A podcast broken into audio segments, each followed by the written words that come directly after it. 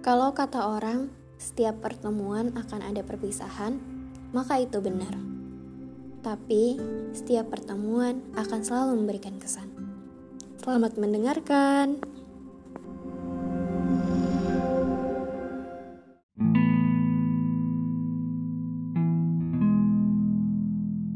Halo, selamat datang di podcast Kata Membiru.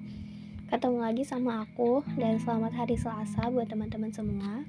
Sebelumnya aku mau nyampaikan bahwa sekarang podcast Kata Membiru bakalan tayang setiap hari Selasa dan juga Kamis. Kalau di hari Selasa itu aku bakalan menyampaikannya dengan cara seperti ini. Jadi aku cerita ke kalian, eh, sekalian. aku bakalan cerita dengan bahasa aku yang kayak gini uh, dan aku mungkin bisa aja random mau menceritakan apa pun cerita tentang pengalaman cerita tentang uh, masa lalu cerita tentang dosenku cerita tentang bagaimana aku menjalani keseharianku cerita tentang keluarga dan sebagainya. Tapi kalau podcast di hari Kamis itu tentang yang lebih kayak formal lah. Jadi aku mau menyampaikan itu ada teksnya dan aku baca teks itu gitu. Jadi hari ini aku ngangkat tema tentang apa pun profesinya, porosnya adalah dakwah. Yes. Masya Allah. Kenapa jadi aku ngangkat judul ini? Itu tuh termotivasi gara-gara kemarin di hari Jumat aku ada kesempatan buat ketemu sama kakak guruku dan beliau itu uh, menyampaikan sesuatu yang menurutku sangat menampar aku dan aku nggak mau tertampar sendiri jadi kalian harus tertampar juga jadi waktu itu aku ada kesempatan untuk diskusi mengenai keamanan dalam negeri. Dan otomatis kalau berhubungan dengan keamanan dalam negeri kita butuh yang namanya penjaga atau um, yang menguasai tentang keamanan itu gitu. Kalau bicara tentang sistem Islam, kalau dulu kalau dalam sistem Islam itu tuh ada yang namanya syuruto. Jadi syuruto itu adalah hmm, polisi ya. Polisi sih sebutannya polisi dan polisinya tuh ada dua. Polisi militer dan juga polisi keamanan dalam negeri gitu yang mengawasi tentang jalannya keamanan.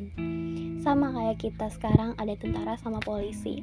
Dan disampaikan oleh guruku bahwasanya uh, kalaunya polisi sistem Islam itu bukan cuman yang menjaga gimana ada maling atau enggak ada narkoba atau enggak, uh, penangkapan orang yang berzina atau enggak dan sebagainya. Tapi yang pertama yang harus diurusi nih nah, yang paling genting, yang paling penting kalau ada persoalan itu adalah masalah murtad. Iya, murtad, keluar dari agama Islam. Jadi sebenarnya kalau dalam sistem Islam bahkan ya ada orang yang misalkan nih di hari Jumat yang seharusnya kan hari Jumat itu cowok-cowok itu ibaratnya sholat Jumat nih. Tapi tiba-tiba ada seorang laki-laki tuh dalam sistem Islam itu yang dia itu nggak sholat Jumat gitu nah nah itu tuh jadi permasalahan bagi ini si Syuruta ini polisi keamanan dalam negeri gitu. Karena dalam sistem Islam bukan cuma mengurusi hal-hal basic kayak ya hal-hal permasalahan yang masalah tapi juga hal-hal kepada Tuhannya pun diurus gitu jadi beliau menyampaikan bahwa uh, gimana pun profesinya sebenarnya yang harusnya dilakukan itu adalah yang bermanfaat kepada orang lain tapi juga bermanfaat kepada agamanya. Karena kita tahu ya sekarang itu banyak banget orang yang bekerja pulang pagi berangkat pagi pulang pagi gitu ibaratnya. Itu tuh kan bermanfaat bagi orang lain bermanfaat bagi diri sendiri bermanfaat bagi anak keluarga istri gitu tapi banyak juga yang nggak ibadah gara-gara itu gitu. Nah profesinya ya dapat gaji yang luar biasa wis. Dapat tunjangan lebih dari dua digit wih masya allah. Tapi ya tadi balik lagi enggak berporos kepada Allah gitu wis. Terus tuh beliau nyinggung juga tentang ini. Si polisi keamanan dalam negeri dan polisi militer ini sebelumnya itu tuh harus juga dibekali dengan sekolah Islam gitu. Jadi bukan cuman langsung kerja fisiknya aja, tapi ternyata sekolah Islamnya tuh juga harus diasah. Dan sebenarnya ya, kalaunya dalam pendidikan Islam kita tuh sebagai seorang muslim mendapatkan sakafah Islam itu harusnya sedini mungkin. Jadi pas kita udah besar kita tuh dibebaskan buat mau cari apa gitu ilmu apa mau kerja apa karena kita sudah punya pegangan nih. Jadi kita nggak bakalan yang terombang ambing gitu paham gak sih guys? Jadi kayak gini misal um, kalaunya misalkan ini kamu kamu ya kamu yang dengerin ini sudah dibina dikembangkan dari dulu dari SD misalkan sampai kalian SMA itu sakafah Islamnya itu sudah kuat gitu.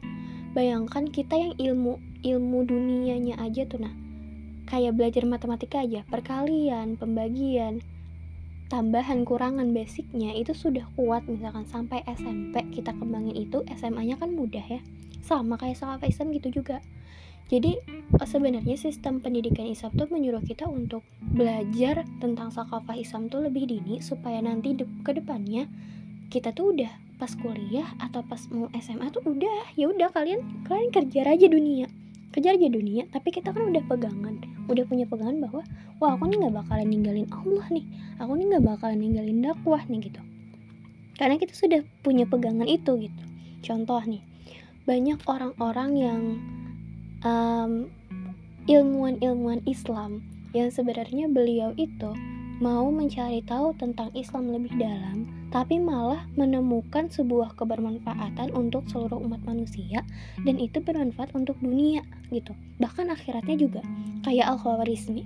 Beliau kan penemu angka nol ya kan. Kalian tahu nggak sih kenapa beliau bisa menemukan angka nol itu? Jawabannya adalah karena beliau belajar ilmu waris jadi, beliau itu mau memecahkan bagaimana cara menghabiskan waris ini sampai kada tersisa, tidak tersisa sama sekali. Nah, makanya beliau menemukan angka nol untuk kebermanfaatan uh, para pewaris-pewaris gitu, yang itu berhubungan dengan ilmu Islam tentang ilmu waris itu gitu. Begitu juga ada salah satu uh, penemu muslim beliau cewek aku lupa namanya. Kalian boleh search di Google ayolah bergerak dan berusaha untuk mencari. Jadi beliau adalah salah satu penemu arah. Kenapa jadi beliau menemukan arah tau nggak kenapa? Karena beliau mau tahu ke mana arah sholat. Jadi semuanya yang dicari mereka-mereka ilmuwan sekarang kan beliau tuh pasti ujung-ujungnya menemukan kompas ya kan pencetus adanya kompas lah ibaratnya. Itu karena apa? karena ibadah, karena Allah gitu. Ya itu keren banget. Jadi apa yang mereka lakukan itu kayak luar biasa banget. Dan harusnya kita seperti itu juga. Sebenarnya kalau dulu ya dibandingkan dengan sekarang um, para ulama itu kayaknya kalau masalah adab dan ilmu kita kurang banget sih. Kalau yang lebih menurut aku lebih ke introspeksi ke diriku pribadi kan aku sebagai seorang pelajar nih. Kadang tuh malu gitu ya kan sama para para pendakwah sekarang yang keren-keren banget yang bisa menemukan potensinya dan membuat potensinya itu terpaut sama dakwah yang di mana aku pun kadang malu sama apa yang aku lakukan nggak kadang tuh aku malu sama diri sendiri bang gak sih kalian? Aku tuh buat blog lo buat blog dan itu tuh aku malu untuk memberitahu bahwa aku tuh buat blog gitu ke kalian semua. Dan sama podcast juga gitu. Kadang aku malu aku tuh malu ada orang yang dengerin podcast di depanku paham nggak? Jadi kalau sampai ada tuh aku bilang kayak jangan sekarang nanti aja dengerinnya di rumah jangan pas di depan aku aku malu gitu. Ya gitulah kelakuanku. Jadi hmm, mau banget kadang tuh ya ngembangin potensi kita untuk dakwah tapi kadang kitanya males dan ngerasa ini loh kurang gitu. Kayaknya aku nggak punya ilmu banyak ya. Kayaknya nggak mungkin deh gitu. Tapi kan kita bisa melakukan dengan sedikit pun gitu. Bahkan Rasulullah bersabda sampaikanlah walau satu ayat gitu kan. Karena kalau kata ustazahku gini salah satu hal yang mungkin bisa kita lakukan dengan konsisten dan itu kita kerjakan seumur hidup adalah dakwah. Karena hasil dakwah itu sendiri bakalan ngasih amal jari yang gak bakalan terputus di kita gitu. Misal kita menyampaikan satu hal gitu kan. Terus satu hal itu kita bilangin aja ehm, kayaknya kamu tuh makan harus pakai tangan kanan deh gitu. Dan dia nurut dan dia mengamalkan seumur hidupnya. Karena pakai makan pakai tangan kanan kanan itu sunnahnya Rasulullah gitu. Yang kita menyampaikan dan dia yang melakukan tentu kita dapat amal jariah dari apa yang dia lakukan apalagi kalau dia melakukannya sampai seumur hidup. Nah gitu simpelnya tuh kayak gitu. Wow masya Allah. Ah, keren banget ah. Ya gitulah intinya. Dan ya gini apa kata ini ini yang menampar dari ustazahku beliau bilang siapa pun kita saat ini mau dari jurusan kesehatan, dari jurusan statistik, polisi, tentara, pelajar sekalipun, apa pun kita, harusnya kita tuh bisa melakukan semua hal tuh karena Allah dan untuk kebermanfaatan orang lain. Um, karena nggak ada hal yang sia-sia gitu nah. Kita diberi kesempatan untuk hidup setiap harinya. Kalian pernah gak sih ngerasa hampa gitu kan? Aku tuh gitu loh biasanya. Aku bangun terus kayak ya Allah aku lapar uh, lapar tuh aku capek aku aku males mau ngelakuin sesuatu.